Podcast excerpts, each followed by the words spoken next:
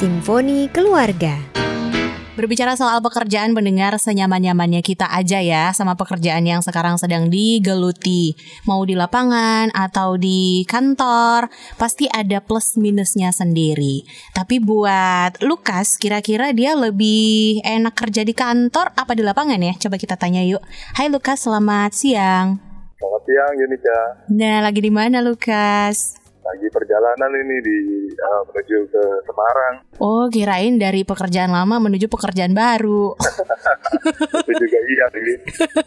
Emang sekarang kalau boleh tahu kerjanya apa nih? Di bidang apa dan di mana? Ya, nah, dulu kan saya di kontraktor BUMN ya. Mm-mm. Itu dari tahun 2012 sampai dengan Juli kemarin tahun 2020. Setelah itu uh, biasanya orang malah COVID kan nyari kerja ya.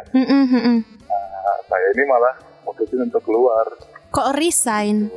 Ya karena memang uh, mau fokus di bisnis. Saya sih bukan baru ya, saya udah berjalan lima tahun lah. Hmm. Tapi kemarin kan uh, selain kerja juga ngurus bisnis kan, jadi ya bebannya terlalu tinggi lah. Jadi agak ribet ngurusin waktu juga ya. Iya. Jadi kalau tuntutannya itu kalau di kontraktor selain di kantor kita juga bisa harus di lapangan. Cuma memang basicnya kita sebenarnya adalah engineer yang lebih banyak ke arah konsep atau perencanaan di kantor. Tapi proyek pertama itu dapatnya di Makassar tuh. Mm-mm. Itu pekerjaannya tuh minim sekali dengan kata lain staff-staff uh, perusahaan saya itu masih minim, maksudnya masih jumlahnya kecil kan. Mm-mm. Jadi kita dituntut untuk bisa ngerangkap pekerjaan. Nah, jadinya saya juga banyak imbang lah antara kantor sama lapangan. Tapi sejauh ini yang kalau menurut kamu lebih enakan di mana nih? Kalau di proyek tuh lebih enak kerja di kantornya apa di lapangannya? Ya, kalau itu lebih enak ke arah dua-duanya karena pekerjaan saya selalu di kantor sama di lapangan. Tapi kalau ditanya lebih mana, pasti saya jawabnya di kantor. Kenapa di kantor? Kita kan di kantor itu merencanakan sebelum dikerjakan di lapangan. Jadi kalau kita cuma kerja di lapangan, nggak tahu nih apa yang mau dikerjain.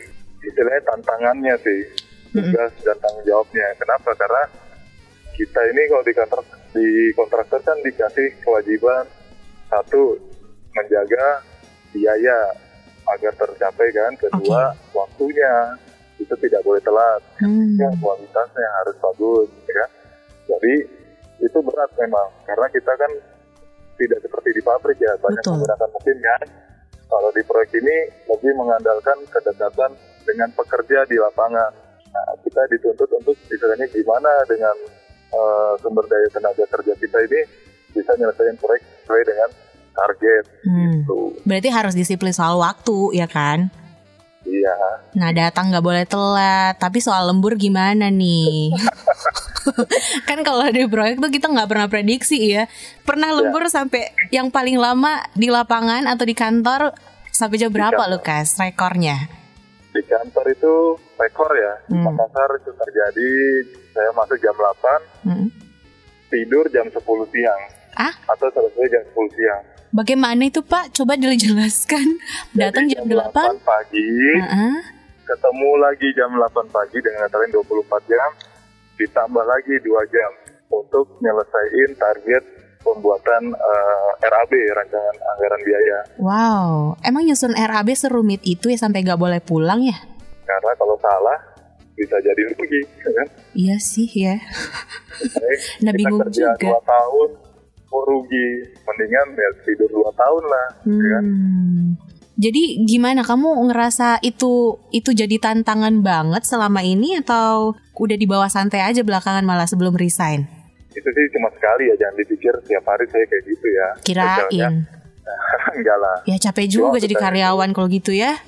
Iya, nah itu bukan beban sih, malah istilahnya jadi tantangan kan. Hmm. Kenapa? Karena belajar dan istilahnya berarti kita tuh dipercaya sama pimpinan untuk nyelesain proyek. Betul. Nah itu ya boleh dibilang ya kebanggaan juga buat kita lah Hmm, hmm, hmm. sebagai orang proyek ya.